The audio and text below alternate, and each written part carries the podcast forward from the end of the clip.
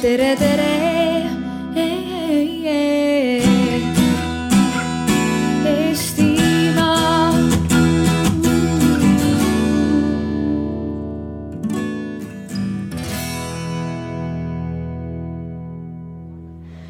So let's begin. Are you ready? Yeah, Uh, yeah, good afternoon to everybody. Uh, it's a great uh, pleasure to be here and uh, also to welcome you in this event.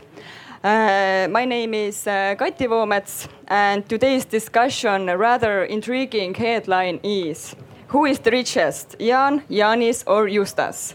So, as this uh, opinion festival is discussion festival, and before I will reveal our discussion topics and goals, I would also like to uh, ask your opinion. So please uh, raise your hand who thinks that Jan or Estonians are the richest. Lots of Estonians here, I think. Statistics, okay, we'll see. And uh, who thinks that uh, uh, Justas is the richest? Lithuanians, any? Uh, and who thinks that Janis or Latvians are the richest? No one, okay. so hopefully during our discussion today you will hear some arguments that support your opinion, but uh, we know already that this uh, topic isn't so black and white, so we will see what the statistics or the numbers uh, or our experts will, will think about it. So our goals with our time today is to provide some information about the current financial situation of the Baltic households and to compare it uh, with other countries and also to highlight the problems the households are facing in terms of uh, private finances. Uh, in addition, we try to propose uh, solutions and opportunities how to change investing and saving culture in the Baltics. So my reason for moderating this discussion is that I'm uh, passionate about uh, financial literacy. Uh, I have been working in the banking sector for over six years. And at the moment, I am the head of Institute of Finances at Swedbank. And it is an educational part of the bank. And its mission is to promote financial literacy and also, we are operating in all three Baltic countries already since 2010.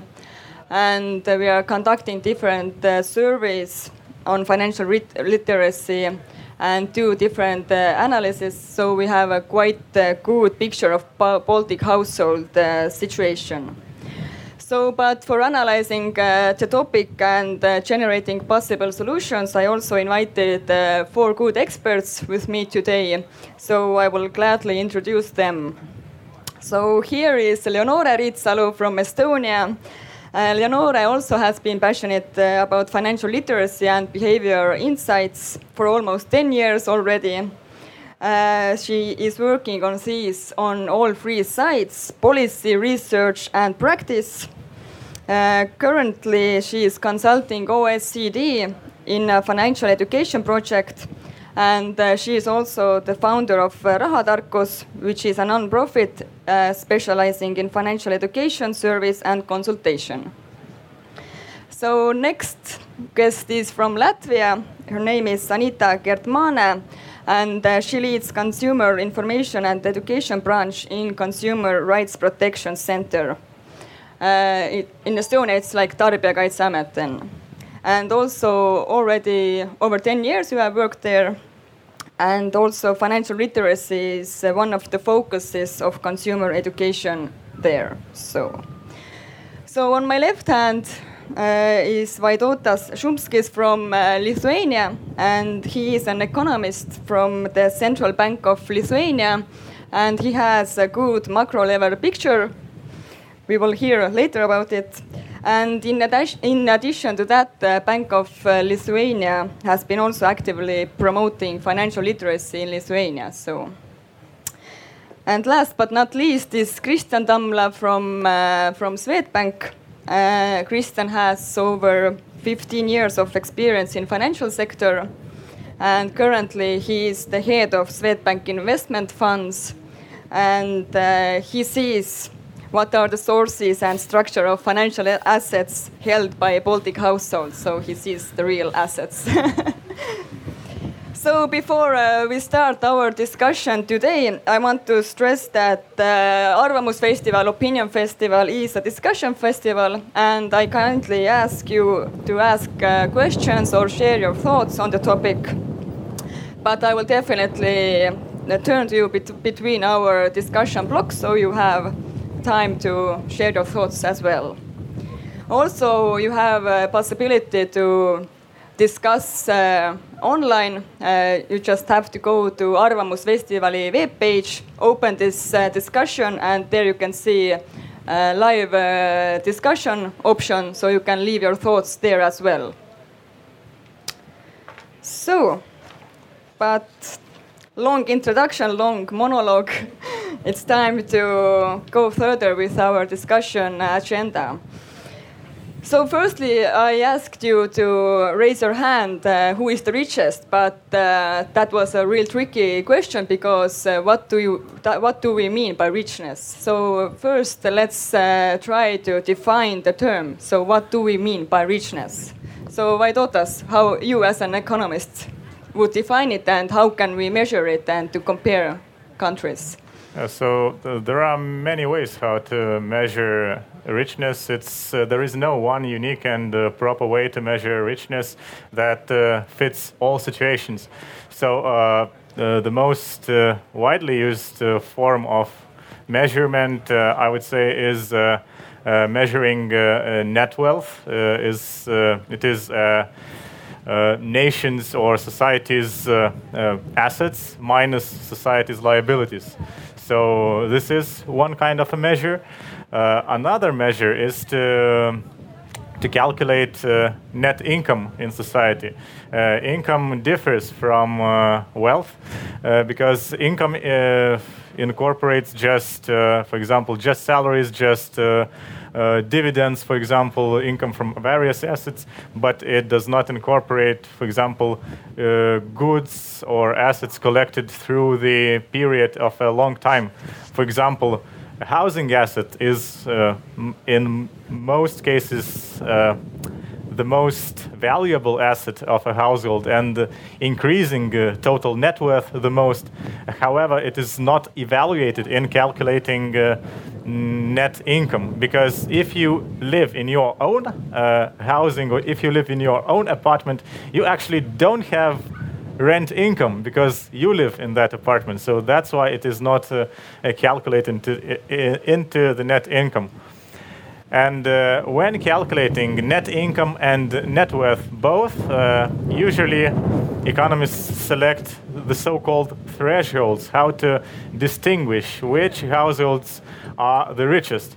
So basically, uh, for example, I, I, will take an example from the USA that has uh, many of uh, research done on that topic. So the US uh, economists usually choose uh, the richest 1% of households. It may be in the perspective of net wealth, the richest uh, households that have accumulated uh, the, the, richest 1% of households that have accumulated the most of net worth in the country, then we can calculate the richest 1% of households that earn most of annual income in the country as well. And uh, except of net worth and net income measures, there are another more psychological, I would say, mm-hmm. measures uh, like uh, uh, evaluation of lifestyle. If if society, if person, if individual, if household is uh, happy with its life, lifestyle, then then it that person could be considered uh, rich enough. Mm-hmm. So actually, I would say these are the main points I, I wanted to say about that. Mm-hmm. Do others want to add anything to Vaidotas yeah. definition? I think uh, I, I, can add that uh, in Estonia, a bit more than 10 years ago, we had a prime minister who forecasted that Estonia will be among uh, top five uh, in terms of uh, wealth in the EU. Perhaps we should ask him that what did he think under, under, under, under wealth at that time. okay, but yeah. I can uh, confuse the discussion even further. Uh, there is also the term financial well-being. Uh, it is a more subjective measure, but uh, maybe in some contexts it's even more objective than the statistics that the economist mentioned. So it, it is really a contradictory issue. Like, it depends so much how you interpret what you are talking about.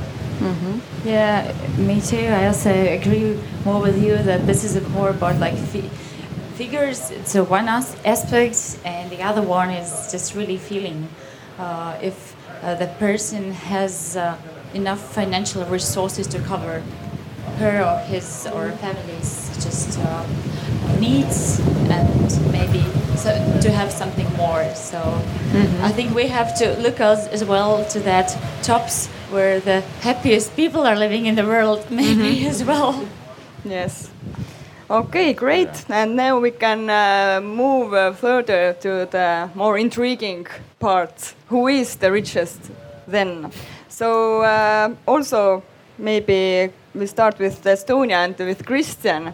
What do you think? Uh, how rich is Jaan? And uh, maybe you can also highlight the current uh, problems we have in Estonia. Yeah, I think already from the start it became clear that uh, perhaps each of the country, Estonia, Latvia, and Lithuania, can find one figure mm-hmm. where the country is, re- is leading. Is richest. is the richest one. Yeah. So, so in, in, in this sense, uh, there there probably isn't one correct answer that whether it's Jaan, Justas, or, or Janis mm-hmm. who is who is the richest one. But uh, I, I, very much agree with uh, with uh, first uh, sort of remarks what Vaidotas made that you, you have to look at both sides of the balance sheet, basically. That one is how much assets you have, and then the other side is, is uh, how much liabilities you have.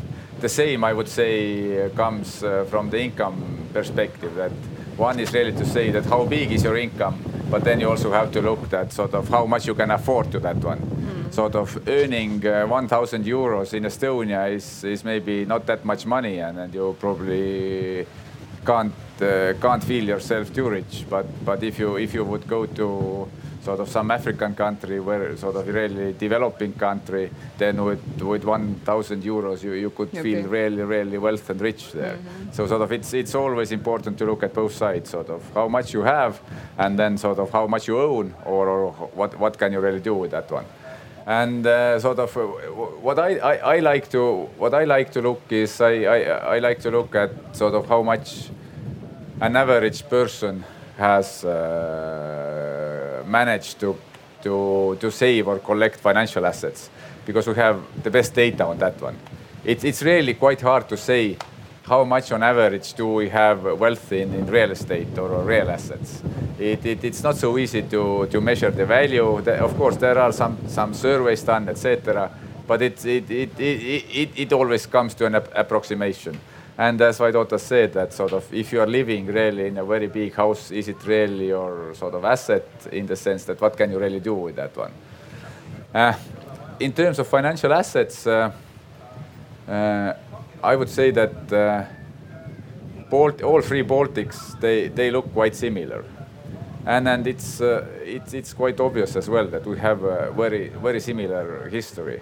On average, average Estonian has roughly 10,000 euros financial assets, whether it's deposits, whether it's pension savings, or whether it's something else.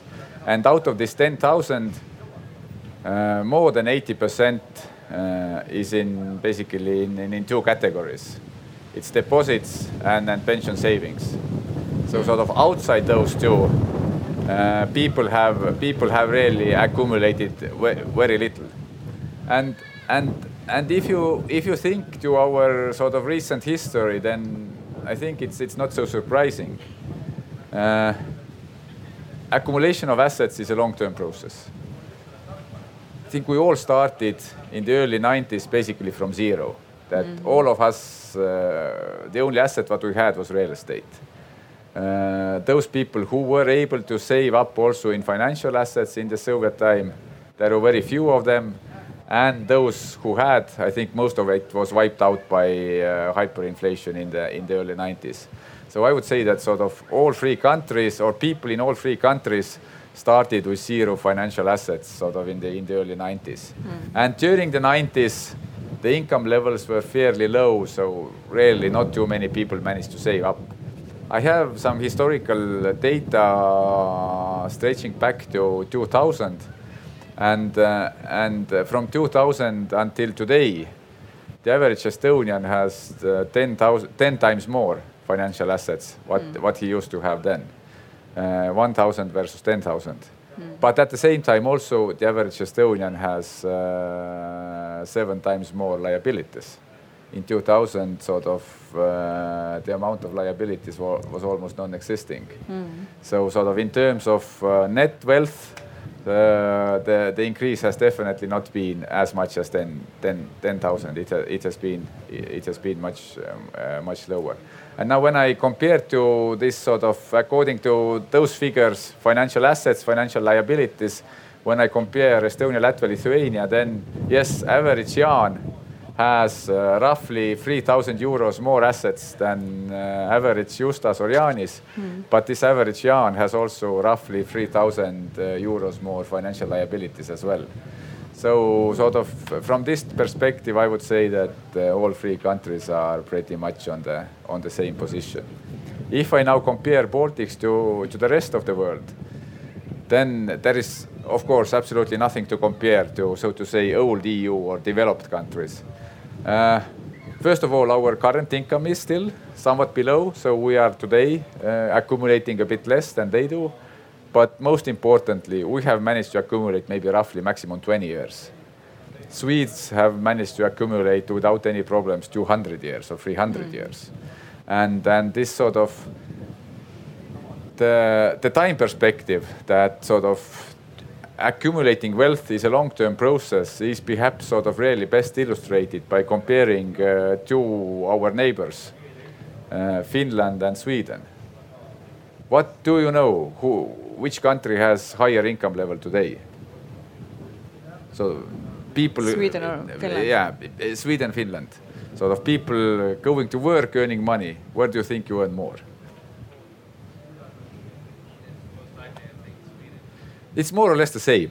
Sort of that, that, that it's, it's, it's, it's no big difference. It's maybe 10% or something like this. Sweden is ahead, but it, it, mm. it is more or less the same. But if you now compare sort of uh, which country has more financial assets, and, uh, and and by how much, then what do you think? Uh, what is the difference between Finland and Sweden? Average Swede has roughly three times more. Three times. Three more. times more than average Finn. And then the reason is that this average Swede has managed to to uh, sort of collect or save up for for few hundred years without any disruptions. Sort of Finland became more or less, you know, developed, developed or rich country sort of in the 80s. They, they have had less than 50 years. So sort of it is accumulation of wealth is a long, long, ter long term process. And even, you know, if, if at some time the Baltic income levels will become more or less similar to the ones in, in uh, Western or old EU countries, then in terms of financial assets, sort of it will take even longer to reach those levels. Okay, but uh, could you highlight some uh, problems maybe we have? Not just the time time problem, which we cannot yeah. no, help. we, we, maybe I can come back to that that on sort of a bit later. It, it sort of uh, I, I'll then discuss a bit how our how our financial assets uh, are distributed between different age groups and and and also in, in, in, between of different wealth levels that how much richer people what what proportion of wealth do richer people have and what proportion of wealth do sort of not so rich people have perhaps sort of it, it's a separate topic already for later okay. discussions if you don't mind so let's move on to lithuania then could you maybe uh, argue how rich is uh, Justas and what are the problems in Lithuania? What do you see? Uh, so I did not raise my hand intentionally, actually, when I was asked to, to vote who, is richer, Jaan, Janis or Justas, because according to the numbers I checked, uh, actually Jaan is actually the richest uh, among uh, the mm-hmm. three neighbors. And uh, according to the OECD data, average Jaan has net worth uh, um, equaling about um, 22,000 US dollars. average Janis has net worth equaling pretty much the same. It's $21,500. But uh, average Justas has uh, about 10% uh, less than average Jaan and Janis. And Justas has around $18,500 in mm-hmm. net worth. So actually, if measuring uh, uh, three nations according to their uh, respective net worth, so well, I would agree that Estonians are uh, marginally, not not not uh, by a huge amount, but they still are a bit a bit richer than uh, their southern neighbors, Latvians and Lithuanians.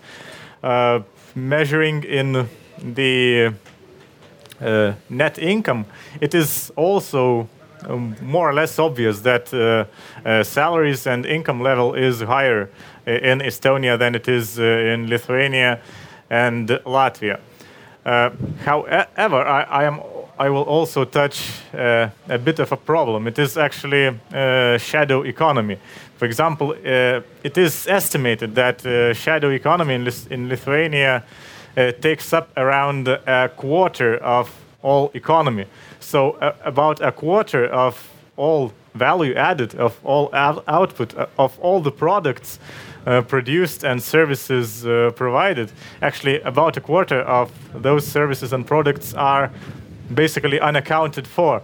So when you measure net worth, uh, you don't see quite a substantial amount of net, net worth or net income left behind a shadow. So actually, it is quite hard to tell exactly uh, if uh, Estonians on average are really richer than Lithuanians.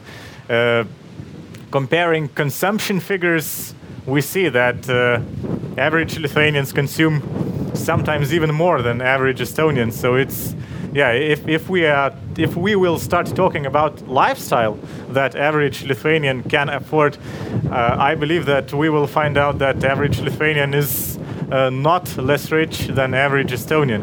So ba basically, when we measure in money terms, then yes, I agree that average Estonians are richer. But when when we measure the lifestyle of people, then I have some doubts. Uh, I would say that maybe even Lithuanians are a bit a bit richer than than, than their than our neighbors. Okay, thank you. So, any other problems you maybe wanted to highlight? Some inequality of incomes or my uh, yes, uh, I, I, totally agree that inequality of incomes is mm, a huge problem nowadays. Uh, actually, almost all the developed world talks about inequality. I, am not sure if you remember, but I hope that you all remember such movement as Occupy Wall Street. It uh, started, mm. I, if I'm, I am correct, in 2012, 2011 uh, in the aftermath of the financial crisis when people were simply requiring to punish the richest uh, 1% uh, of the people in London and New York, in the financial capitals of the world. So, uh, inequality is a huge problem, in, at least in Lithuania. Uh, I can uh, tell you one figure. Uh, the richest uh, we have a distribution of uh, uh, housing value values of the society. So, in order to be rich, you have to have you have to own a home that is worth uh, uh, around 250,000 euros. So uh, all of us, I would say, could argue if a house of or or apartment that is worth 250,000 euros could we really call such people rich people? So, but in Lithuania, people who own apartments or houses worth 250,000 euros or more belong to 1% of the richest, uh, or maybe not the richest, but uh, to 1% of the households who own the most valuable real estate. So inequality is actually, in, in this perspective, is enormous, I would say so. So it is very simil similar in terms of net income. So uh, the richest uh, 10% of uh, population in Lithuania earn more than 4,000 euros per month. And it is a gross salary, so uh, you have to deduct around a quarter of that amount.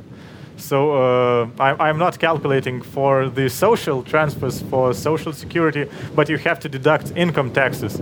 So, uh, uh, so it is when you bring home around 3,000 euros, you can be considered among uh, uh, the 10% of the richest uh, people in Lithuania. So is it a lot or or it, mm. or is it le- or is it quite little?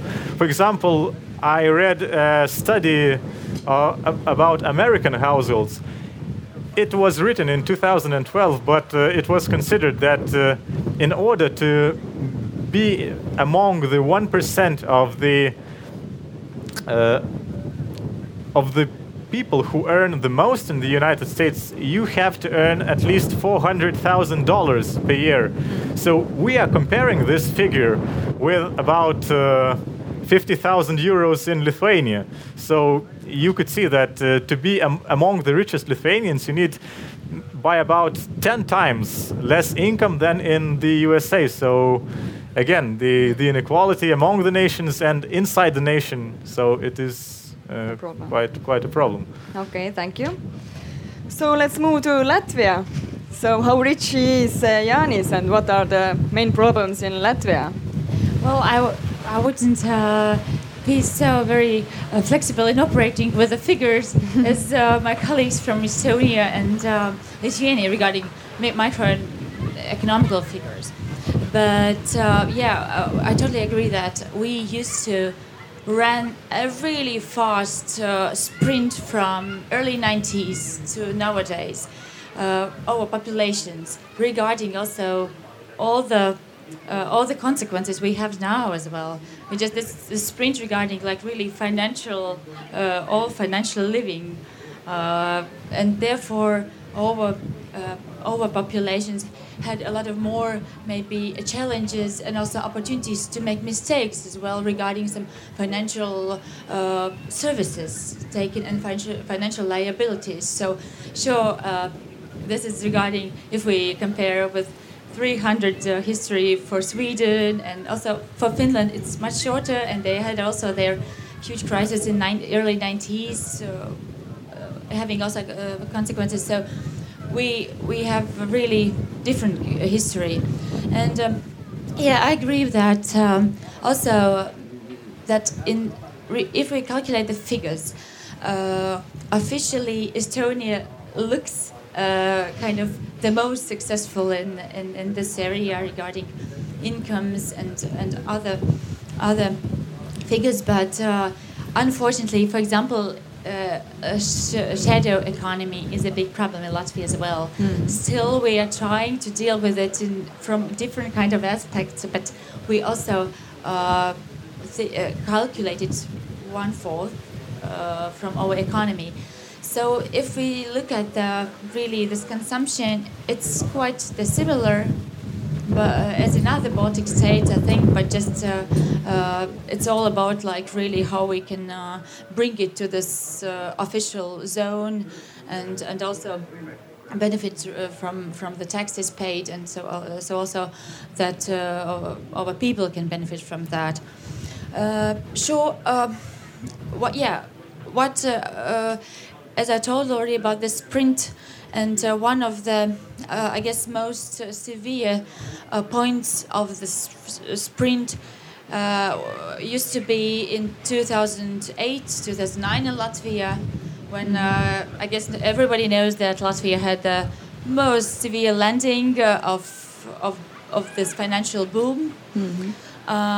and that has really an impact also in nowadays in, that uh, yeah, sure. One of the consequences are that some uh, part of population was just uh, immig- immigrating, uh, but still we have uh, a lot of uh, unsolved problems regarding that, and as a as a consequence as well, very fast growing of other like this distance lending and fast crediting, which we see now as a problem for Latvian population if we talk about um, like financial services and also financial literacy. Mm-hmm.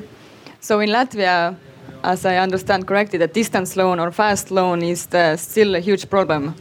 Well, uh, from the it, it's uh, if we look at the Baltic uh, state market, it's uh, it's the most uh, kind of popular this kind of credit branch. It's mm. the most popular in Latvia. Then, for example, in Estonia, Lithuania, where it's a bit like a alternative product.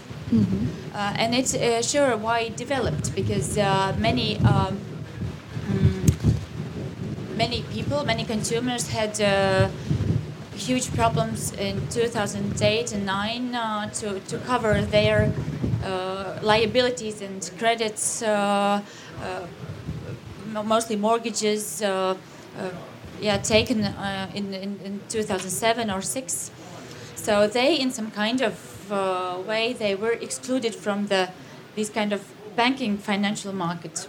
Mm-hmm. They didn't, yeah, they, they, they were not offered uh, uh, by these products anymore.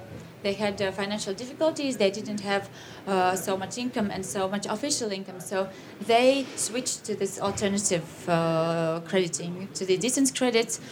And we see now, considering that our institution is also dealing with market surveillance, that this, in some points, this is a problem. Okay, so we have highlighted uh, some of the pro problems already, like uh, lack of savings or tiny savings, shadow economy, uh, fast loans, and so on. But Leonore, you, you as a financial education and financial literacy expert, uh, we know that financial literacy encourages better financial decisions. Uh, how we are compared to other countries in the Baltics, how, is, how financially literacy, how, how financial literate we are in, in here. I was just thinking that I could repeat the beginning of this uh, talk very easily. I could first ask you to raise your hand if you think that Estonians are the best mm -hmm. or, or uh, Latvians have the highest level of financial literacy, and then I could continue with saying like, okay, but then how do you define financial literacy? Yeah. Um, just as uh, was talked about wealth, in financial literacy, there are many ways of interpreting what it means. So there are basically two dominating schools of thought. Uh, one is uh, that uh, pretty much equalizes uh, or equals uh, uh, financial literacy with knowledge. So that financial knowledge means that I know how to invest or save. the most famous researcher of that field is Annamaria Lusardi. If, if you ever start to read any research about financial literacy, you can't avoid that name. Um, another school of thought uh, sees financial literacy as the sum of uh, knowledge, skills, attitudes, and behaviors. So the behaviors are also part of financial literacy. Uh, and the aim of uh, financial literacy is to improve financial well-being. So the ultimate aim is not that everyone would know how to calculate compound interest, but that everyone would be able uh, and would actually do something to increase their uh, financial well-being. And again, financial well-being has many uh, mm-hmm. interpretations, uh, and we could go on like this uh, forever. Uh, so the OECD is uh, using the second approach. So for measuring financial literacy, they uh, calculate basically three scores. One is knowledge score. it measures correct answers to seven or eight questions, like do you know uh, what inflation means or what, does it mean? Uh, if there is inflation, uh, will you be able to buy more or less? Um, then there's a second score that measures attitudes. This is the one that I could argue with the most because, uh, well, mm. as a researcher, I could talk about that for a long time, but let's just say that this, uh, in my opinion, is the least objective measure. And the third score is a behavior score. So it measures uh, how are you actually uh, behaving? Are you saving? Are you thinking about your long-term goals? Uh, have you fallen into debt? And if you did, what did you do to get out of it? Did you take some bad loans or did you have a buffer and, and so on? So it measures these kind of prudent behaviors, like are you capable of uh, covering unexpected costs and are you able to actually save for your longer term uh, uh, goals? Uh, and then the OECD adds these three scores up, and this is the financial literacy score. Well, from the overall score, score, we are not very much different. We are pretty similar. But if we take the pieces of financial literacy, if you look at the uh, knowledge and behavior, then uh, what we see is that Estonia and Latvia are very similar in knowledge. We are both ranking very high in international comparison. Estonia is a little bit higher, but I agree. I know not that big a difference. Uh, and another similar thing that is in Estonia and Latvia is that there is a gender gap, but the gender gap is not significant in knowledge, but it is significant in behavior. So uh, uh, I'm writing a paper, so that's why deep the, into the data a little bit deeper. But but what I learned was that uh, in Estonia and Latvia there is a significant gender gap in behavior in that way that uh, women are behaving more prudently than men. But then when we uh, add Lithuania to the picture, then uh, it is the other way around there. in Lithuania people are behaving much better. So but knowing less. they, they are uh, much higher in, in behavior score, but lower in uh, knowledge. Mm. And the gender gap is also the opposite. So uh, there, uh, the statistically significant gap is uh, in uh, knowledge. men are well, they know these facts better than women participating in the survey. So we can say that roughly we're similar, but there are some issues that make Lithuania different from Estonia and Latvia. Uh, and we have had long discussions uh, with a colleague from, uh, from Latvia from the Financial Markets Committee. Yes. So uh, last year there was a Baltics Financial Literacy Conference, and she was driving me back from Riga to, to a place uh, close to Estonian border, and we had a long discussion like, what are the Lithuanians doing? Like, what is the magic? Why is their behavior so good? And we talked about religion, individualism, culture, all sorts of things. Uh, we didn't solve it. we, we it's a, a mystery. We had a similar discussion today uh, in the car mm. with a Lithuanian colleague. So I think we somewhat agree that it might be that Lithuanians are less individualistic and don't only want to optimize their own well-being, but also think about their family network mm-hmm. a little bit more than, than we in Estonia and Latvia. But open to debate. Yes, but uh, could you highlight some uh, problems as well? Well, uh, you mentioned that, for example, in, in Estonia we know more, but we don't behave. In Lithuania, it's uh, vice versa. but uh, could you bring some examples or main problems in this field? Down to only the Baltic countries. I think the problems uh, in this context are the same in all developed uh, countries. It is that people tend to be uh, short-term orientated. We are very much concerned with our immediate uh, gratification. Uh, we are always tempted to consume today. If you look around, if you listen to commercials, if you see what's uh, what's around you in uh, whatever a supermarket or, or, wherever, then it's all about immediate gratification. Come and buy this, or buy this, pay later. Mm-hmm. so it's heavily emphasizing immediate gratification, and also because of this um, kind of uh, shift from saving culture to uh, consumption culture, uh, we overemphasize the present uh, and we don't take too much care about the future.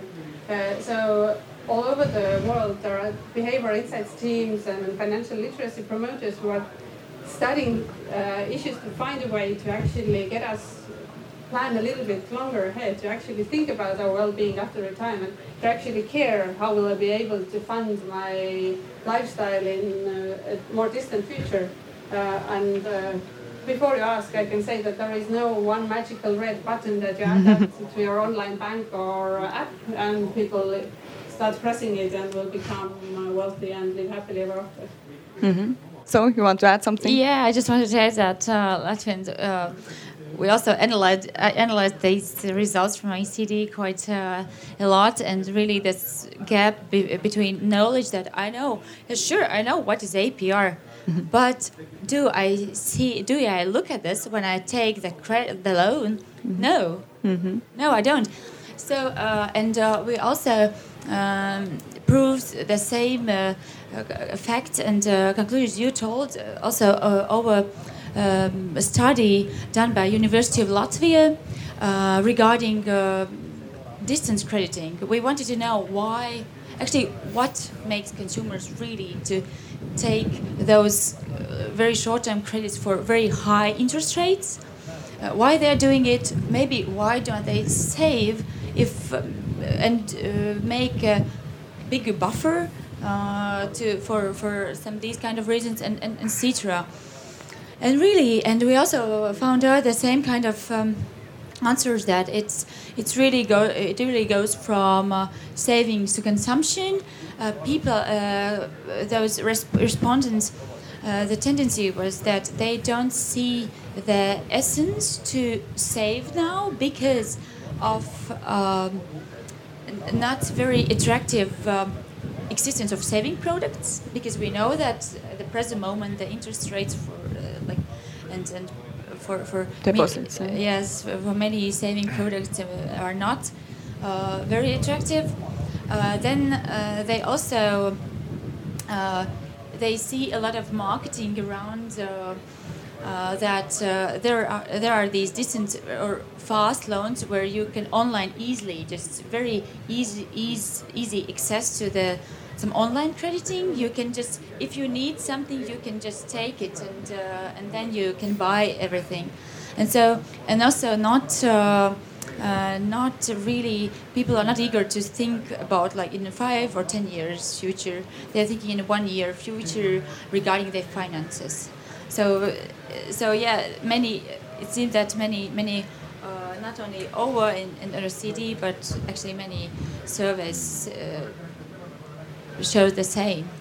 But the problem is also that consumption uh, is very tangible and very visible. Mm-hmm. You can see that I have the latest car or phone or mm-hmm. whatever important thing uh, uh, for me, but you can't see how much money I have on my savings account or how much I have saved for retirement. So what affects us are um, peer effects, like what people like me are doing. I can very easily see what kind of a car my neighbor is driving, but I really can't see how much money he has put aside for his retirement. Or maybe it will live long mm-hmm. enough, uh, I will be able to see, but then it's, it's late anyway.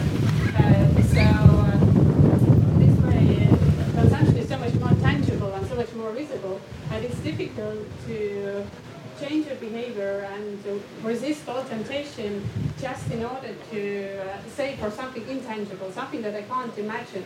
So if I can't imagine what well-being like will be like when I'm 75, then uh, I can't find the motivation to actually save for it. So coming back to the definition of financial literacy, uh, in uh, later studies, OECD has also added uh, two words. These are confidence and motivation. So it's confidence that I'm actually capable of making financial decisions, and it's the motivation to actually apply such knowledge into uh, action. And the more uh, I study in my uh, research uh, these matters, the more I'm convinced that actually these confidence and motivation are the keys. Uh, in a rather recent study that I uh, have been working on, I, I, looked at the effects of uh, subjective financial knowledge on financial well-being. So subjective financial knowledge is confidence in one's knowledge and uh, skills in, in, making those financial decisions. And uh, what I saw was that subjective financial knowledge is much more explaining uh, financial well-being than is uh, objective knowledge. So it is one thing that I know, but if I'm not confident that I can actually use this knowledge, then I'm not going to use it for, for using for improving my well-being. So in that sense, I think that financial decisions are very similar to health decisions. Like I do know that I should exercise more and eat more healthily, mm-hmm. but it's simply more tempting to have this ice cream today right after the talk uh, than to start running running around, around the mm-hmm. park to, to actually achieve my long-term goal, which is uh, losing weight. It's also about a uh, issue about the self-discipline. Mm, sure, and uh, mm. and uh, as we see, the millennials uh, all all these generations those are coming into the active market they are not so very uh, they don't they can't find this motivation for self-disciplines. They, yeah, mm. and, and, this is this consumption uh, philosophy works more and more. Well i hate to disappoint you but it's not only the millennials. It's us as well yeah so, Kristjan and Vaidotas, would you like to add anything? Yeah, so, I would like to add about Lithuanians, of course. yeah, after, after hearing so many, well, pleasant words for us. Yeah, so I was actually amazed because uh, we in Central Bank of Lithuania, we also uh, perform a household service where we ask our households I, I, will ask you as well, and I will see if you are, if the audience is more prudent than average Lithuanian household. So the, the question is very simple. There are three questions, but I will ask you to answer just one. Imagine that you have 100 euro and you deposit that 100 euro into a bank's account for five years. Interest rate is 2%. So after five years, how many euros you will receive? And answer options are just three. It is more than 102 uh, euros, equally 102 euros, or less than 102 euros. So. Uh, I think you made it. You mentioned for five years. Yes. Uh, Yes, that's that's perfect. I'm sure because I have just checked uh, last last evening. Yeah, the, so the, can the anybody make a guess? Yeah, so who believes that uh, when you deposit uh, 100 euros with 2% uh, annual interest rates and after five years, if you get uh, equally 102 euros, so how many people would vote for 102? So no people. So will you receive less than 102 euros? So obvi- yes, yes, if accounted for inflation, maybe, but uh, it was not included into that question. So At basically, last. all of you believe that uh, you will receive more than 102 euros. So it's the right answer. And imagine, only 7% of respondents out of 1,000 house, uh, households in Lithuania answer all three similar questions uh, right. So I believe seven percent only. Yes, just seven percent. And the question and the right. questions are really that easy as this one. Mm. So it's of course pleasant to hear that Lithuanian households, in one way or another, are more prudent than mm. than our neighbors. Yeah, we are famous for being rude for our neighbors. So yeah, that's actually just joke, but yeah, mm. it's it's folklore. Yeah. Uh, I w- okay, so in other, being serious, uh, there, there might be one explanation. I, I'm not familiar with the figures from, uh, from OECD, but uh, there is uh, one general feature of Lithuanian people. Lithuanian people usually do not invest into assets that they cannot touch, actually, in, and it is true.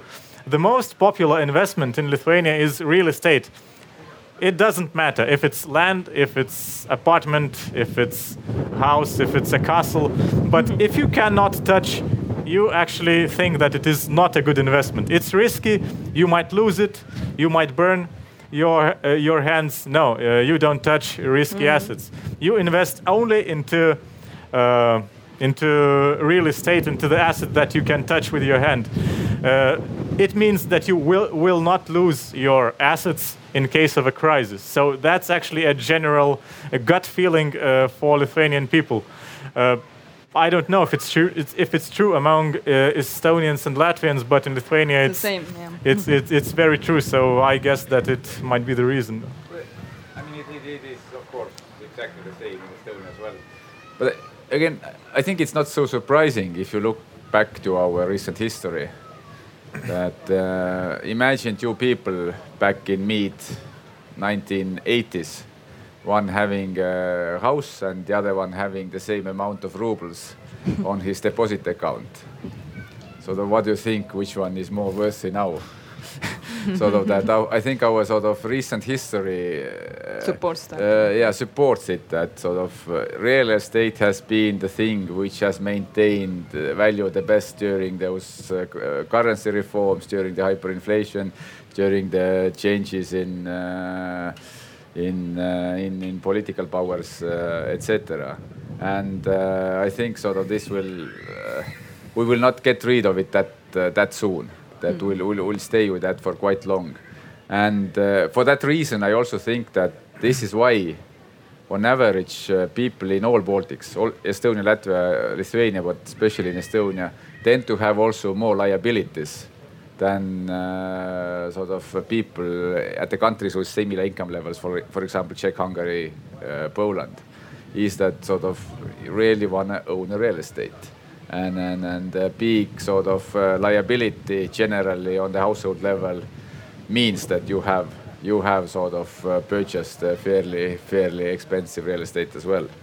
But to give a bit more uh, highlights from my side into the financial picture of Estonian household, then I don't know how much have you have has have heard that I think it's during the past few years, two three years, uh, in the media from time to time appear sort of someone commenting that uh, the, uh, the deposits what Estonian people have are now life high and they mm. are way too big or, or something like this. Mm. I, I uh, at least I have I have I have seen that uh, that, that kind of Quite arguments lot, yeah. Uh, pumping up from time to time.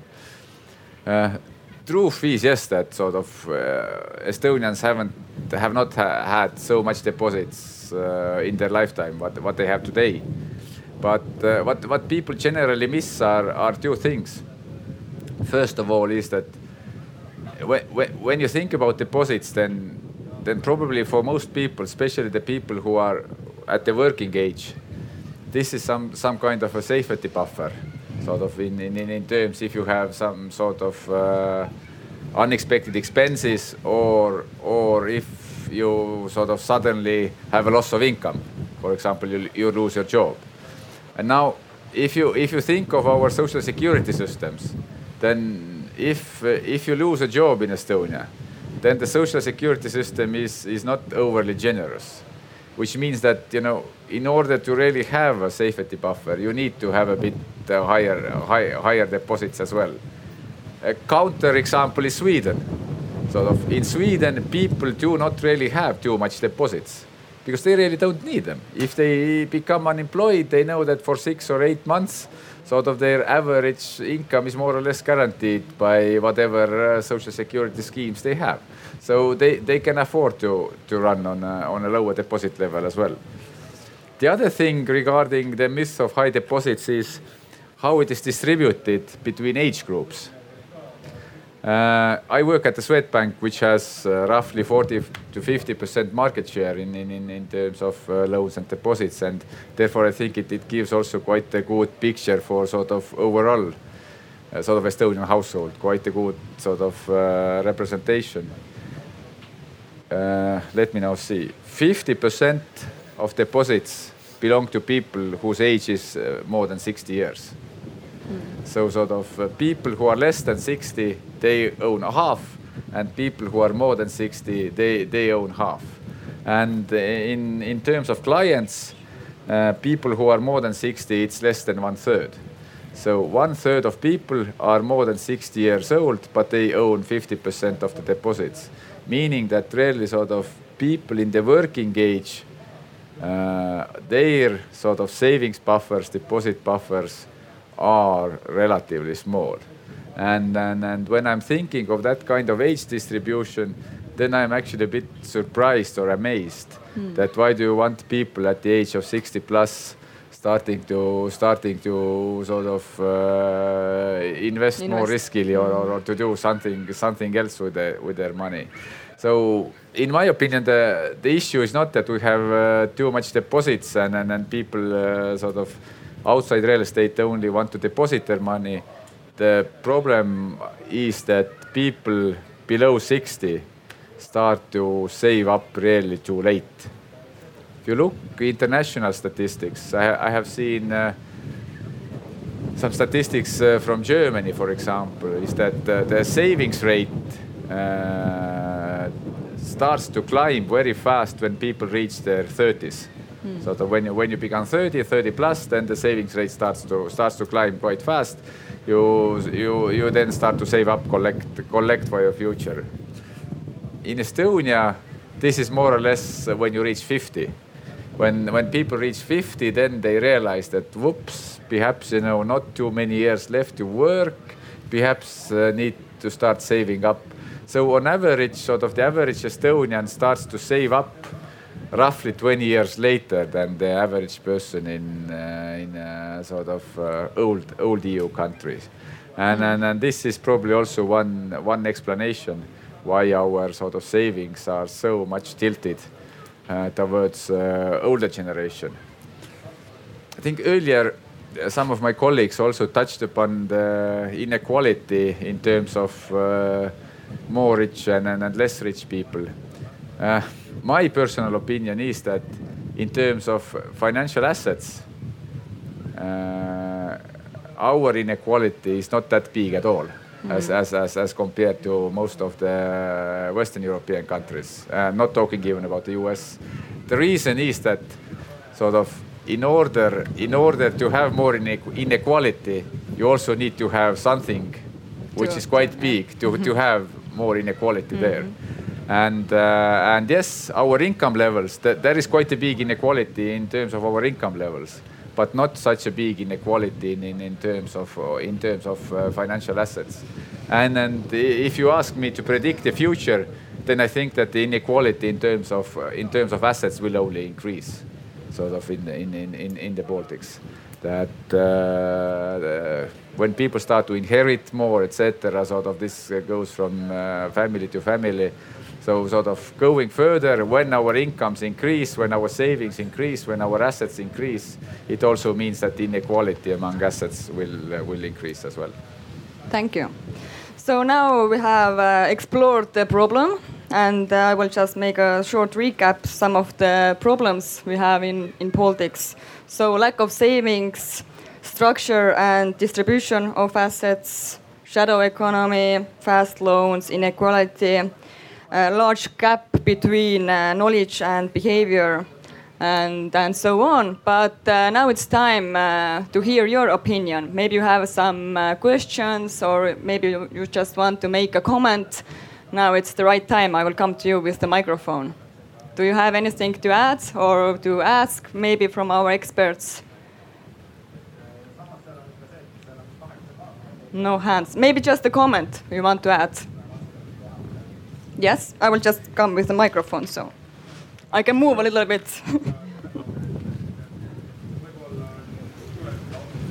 in terms of the uh, fast loans and especially the business in, in Estonia, Latvia, then maybe it's interesting point to investigate where actually the largest European players are from. Then you can see that maybe 4finance, Green Finance, uh, Creditstar, those all those large players in Europe, they actually originate from exactly from those countries.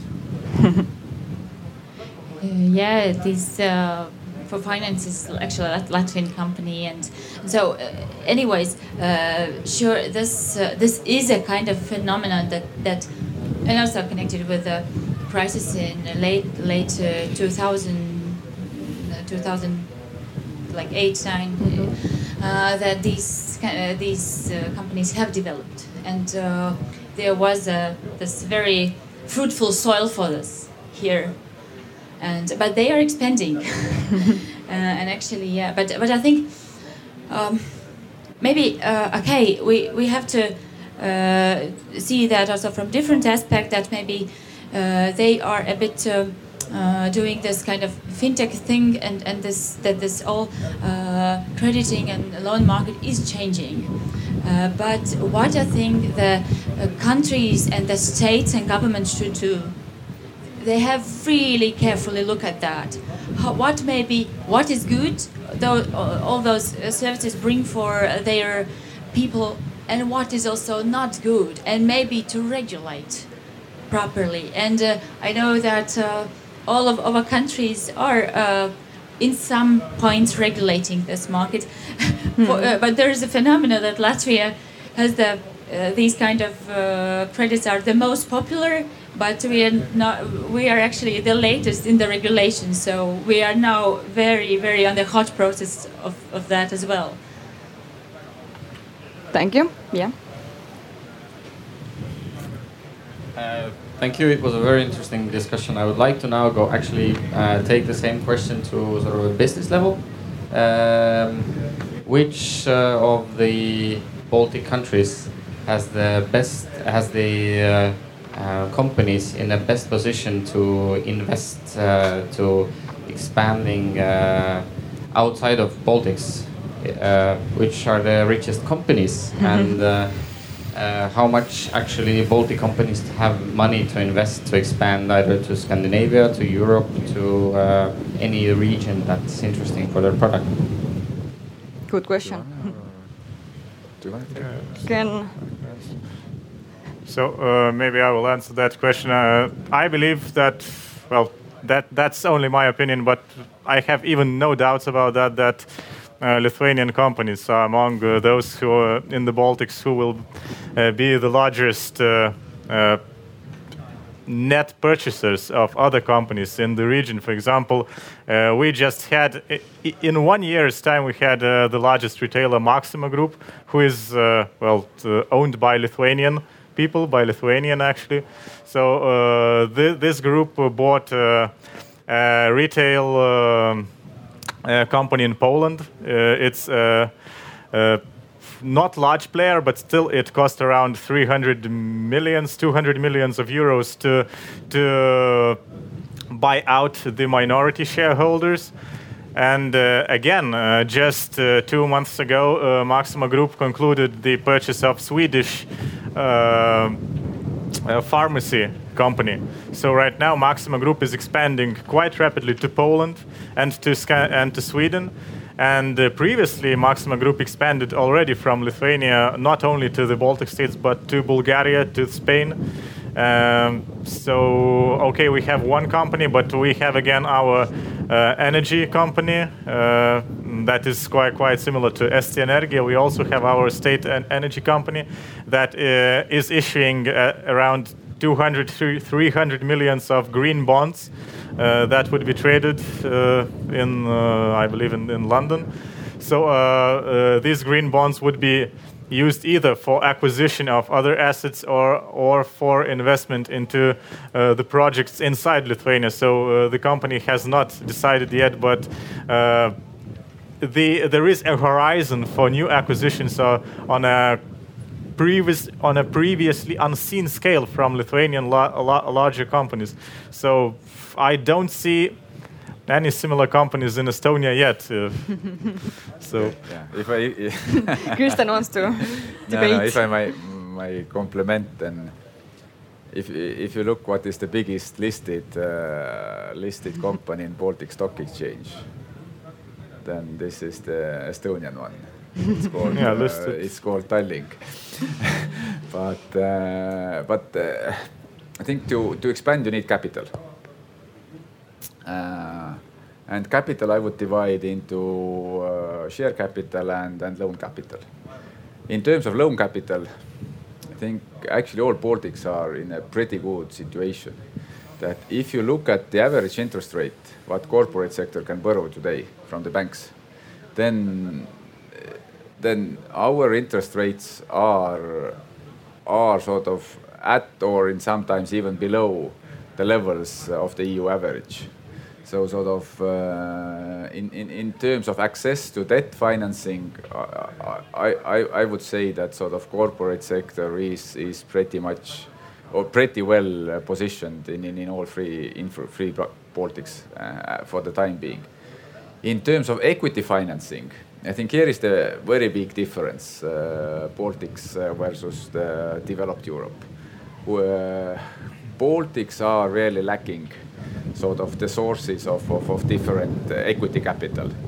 If you, if you look at the number of private equity funds or the venture capital funds or the size of them, it is, uh, it is, uh, it is absolutely not comparable to the, to the levels you see in, uh, in, in, in Scandinavia, you see in, uh, in, Western Europe, or not to talk even about the US. So uh, uh, I think in order to, to if we really want to see that our companies, uh, more and more our companies sort of uh, would, uh, would uh, grow outside the region and, and also expand outside the region, then, uh, then sort of I, I, I think that sort of the availability of, of equity capital is, is, is something which is, which is holding back us today. Uh, In Estonia, we are pretty good in doing the other thing or doing the opposite, se- selling our companies to foreigners. we, are, we are really good in that one. But uh, thanks, I think it's an interesting topic. We should uh, definitely need some more time to discuss it, but maybe after the, our discussion we can talk about it. But uh, coming back to the there was a question there as well, right? maybe late, we will maybe Ah. take it later, Ah, yeah, because we are like running. Because uh, coming back to the households, uh, we have admired the problem uh, quite long enough. Maybe it's time to speak about solutions as well. So, for example, Leonore, how can we nudge people to save and invest more? What can be done? Well, you already mentioned the word nudge, so this is also my answer. But actually, we should uh, apply behavior insights more that has been done so far. And I mean that on all sides again. So, uh, in policy uh, making, in uh, financial services design, uh, and also in financial education. So, actually, we should study more why we are behaving the way we are behaving. We should experiment more to be able to discover the great button that makes everyone save and invest into their long-term well-being. Uh, and uh, I still believe that uh, we should also invest more in financial education. I don't necessarily mean that we should put more money into it. Uh, and by financial education, I mean uh, financial education is in, in, its broader sense. I don't mean only classroom training, printing mm. books, online sources uh, and things like that. I mean it in the broader sense. Again, uh, coming to the OECD definition, then it men mentions uh, information and guidance and also that the person itself, uh, him or herself, uh, searches for information, searches for different options, advice, whatever possible tools for, for making these prudent decisions.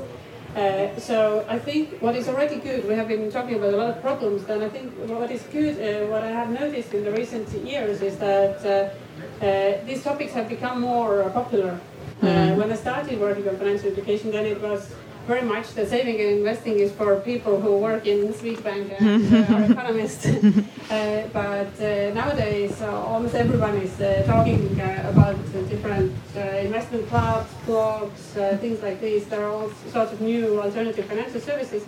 So I think that actually there is a positive shift in that sense that there is already a, tiny little shift in, uh, in the mentality. So no longer saving and investing is only for those who wear very tight uh, black suits. suits yeah. uh, but also, uh, what is good is that there have, uh, at least in Estonia, developed a lot of different investment clubs. Uh, there are blogs, all sorts of these. Uh, tools that are actually good for learning from peers. What we see from research is that actually uh, we like to uh, learn from others. We don't want someone to come and tell us what to do if that person is very different from us. But we actually do uh, pay attention to is what people like me are doing. Like, what is my neighbor doing? Uh, we do uh, learn from uh, peers. So these uh, kind of um, investment clubs and, and blogs are, are, really good for that. Uh, Swedbank has a Facebook community that is actually already applying all sorts of knowledge from behavioral insights uh, using uh, goals, deadlines, uh, peer, peer effects, advice, uh, feedback, and so on. So, so this kind of approaches in financial education are, in my opinion, much more promising. but, but again, about problems, often, at least when I was still working uh, in Estonia on, on, the policy side, then the problem was that you have to show uh, also as a as a promoter of financial education very uh, tangible results. So mm. you have to show that uh, because of investing X euros into this program in this year, uh, we managed to increase uh, some sort of good behavior by that percentage. Mm. But how can you do that if the aim is to improve long-term uh, behaviors? So you can't show that because we spend so much money on uh, mm-hmm. promoting sound behaviors today. Uh, in 20 years from now, people are 2% less poor. Like, mm-hmm. how That's it, yeah. But what should be done maybe on more on uh, the national level?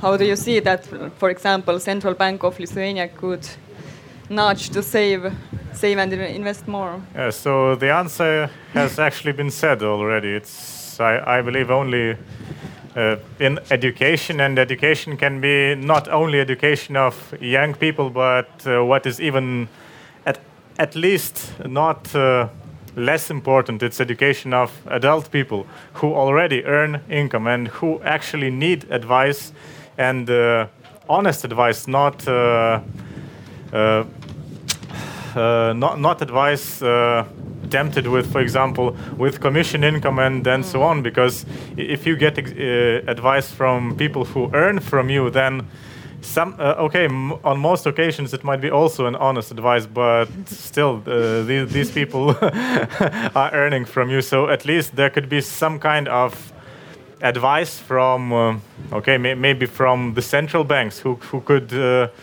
mm, actually at least provide some answers to the fi uh, financial questions from that would be raised by adult people. So i believe that not uh, we, we should of course, we should start since the school, but we should not stop after school. We should go on and we should provide some uh, financial literature classes for adult people as well.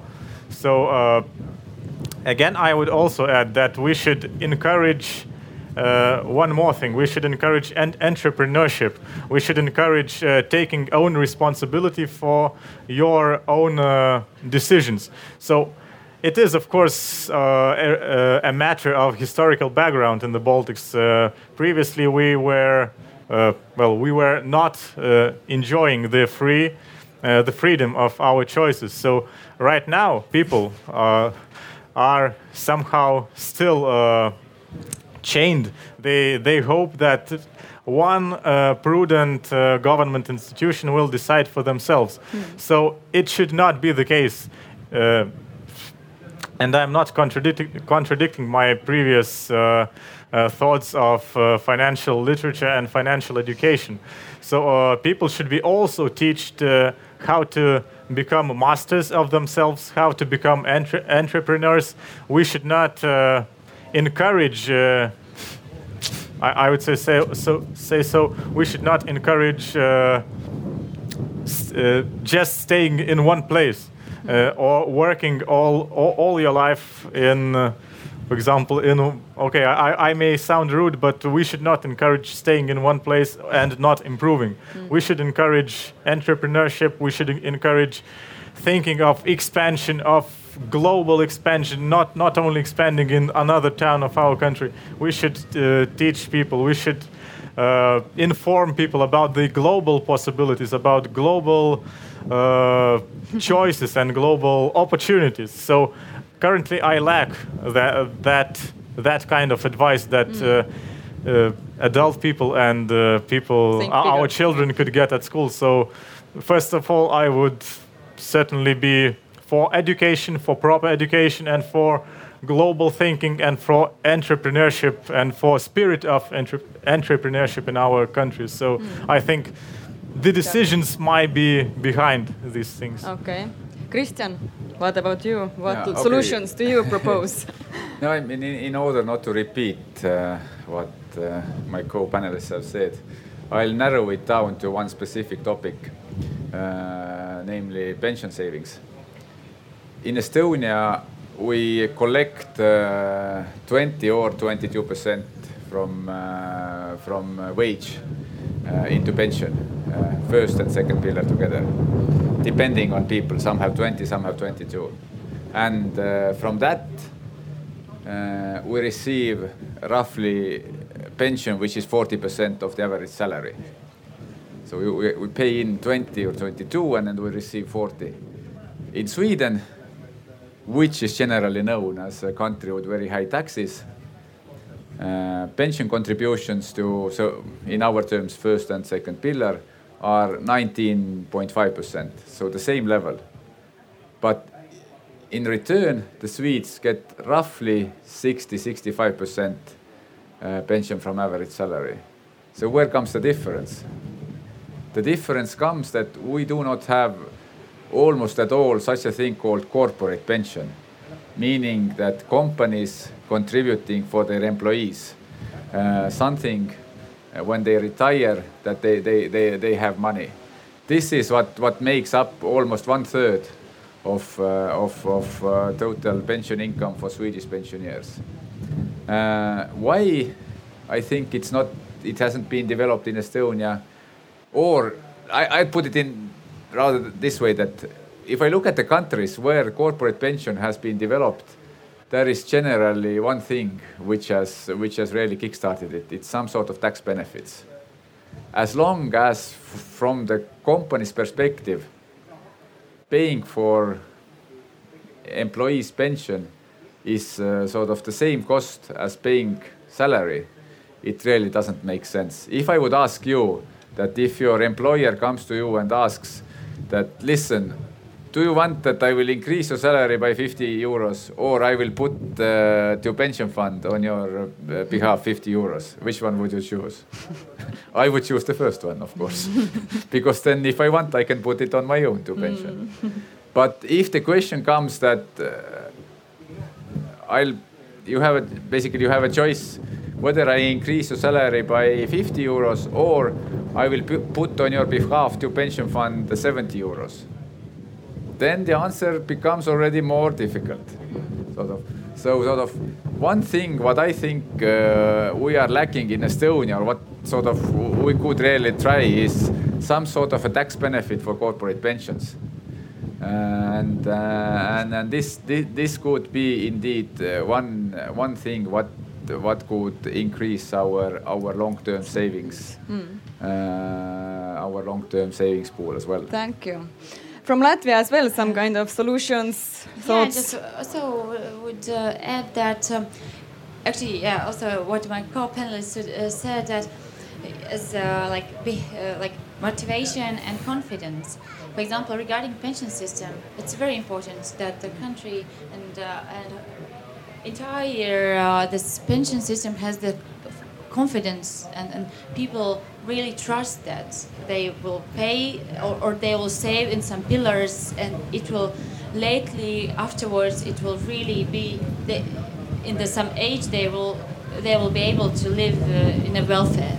I think and uh, we and we are lacking it in latvia but uh, regarding the financial literacy yeah um, sure. Also the uh, motivation and confidence. Uh, again uh, we actually yeah we after the crisis, we did this step forward and um, uh, we got uh, this uh, overall country uh, financial literacy strategy from 2014 to, to, to 2020 and which was really a big step forward in uh, financial uh, capital market surveillance authority actually is coordinating it um, but uh, sure, uh, papers are just programmatic papers. They are very uh, necessary, but it also should be still uh, implemented, and, and we are still working on that to mm -hmm. do mm-hmm. that better. Um, we see some results. We see that uh, really savings and so-called we have in Latvia, uh, in other countries, the third pension level. The, the savings are increasing anyways. But as I told, uh, we have to be really ready to all the products uh, those are now developing. And therefore there should be some also this lifelong uh, uh, learning system. Because mm-hmm. we have the education system it has to follow the the fastly growing and, and developing financial markets and product systems. So then i think then we would succeed. And also with the proper methods Thanks. But uh, now it's again time for questions or thoughts. Yeah, we have so little time, so many good thoughts, but maybe we can. Thank you. Uh, my question has two parts.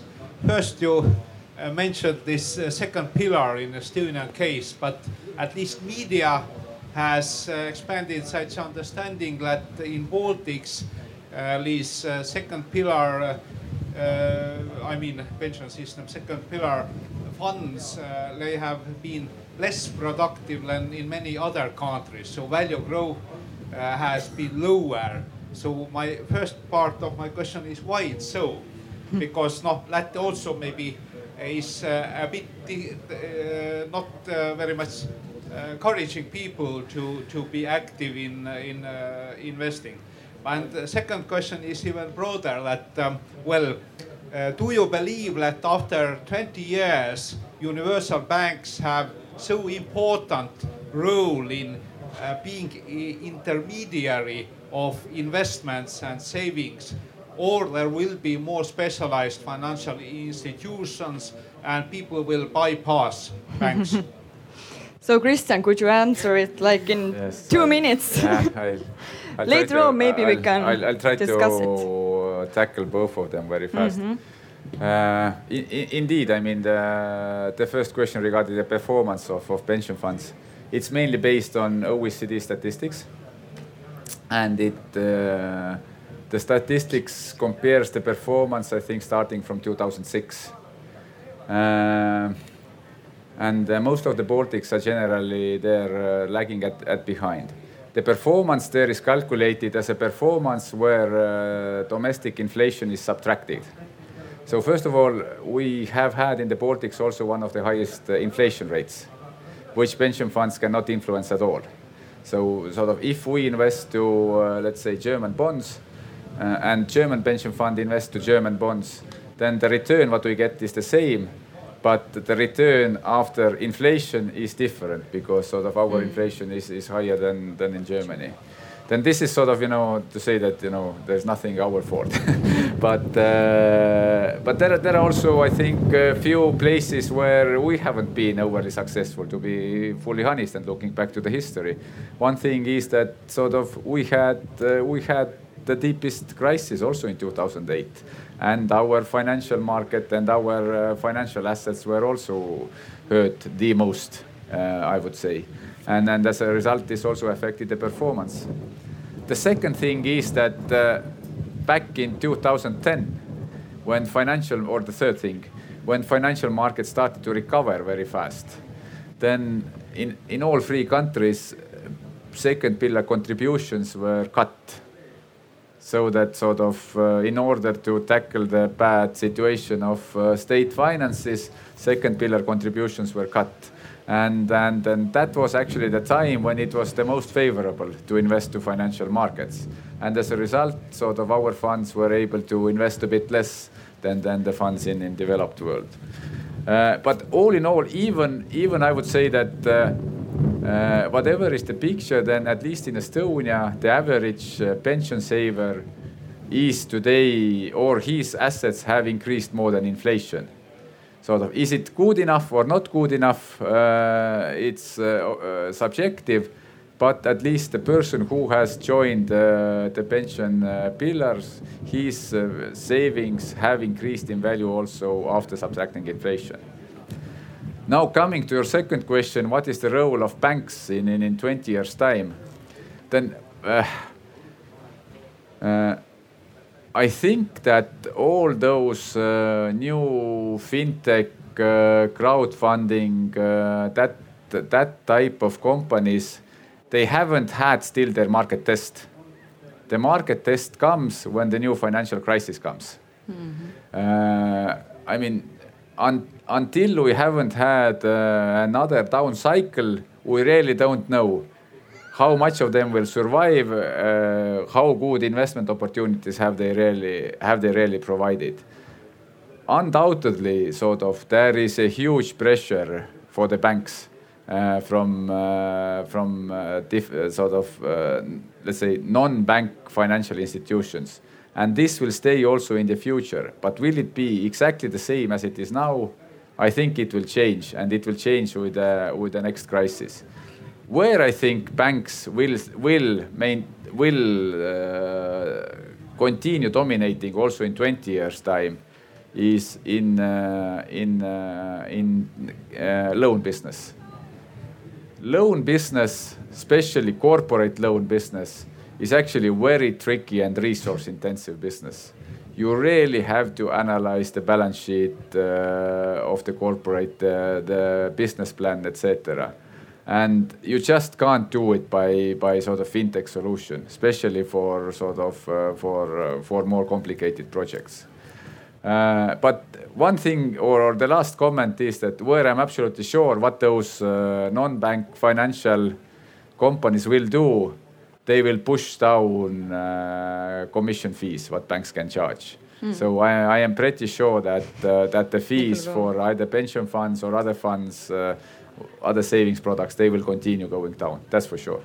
thanks. Thanks for the interesting uh, question, and uh, I think it's a wider topic to to discuss, and maybe you can do it uh, after yeah. our discussion. But uh, coming back to the Baltic households and private finances, just to maybe sum up, we have some mutual problems like a lack of savings and living payday from pay to payday.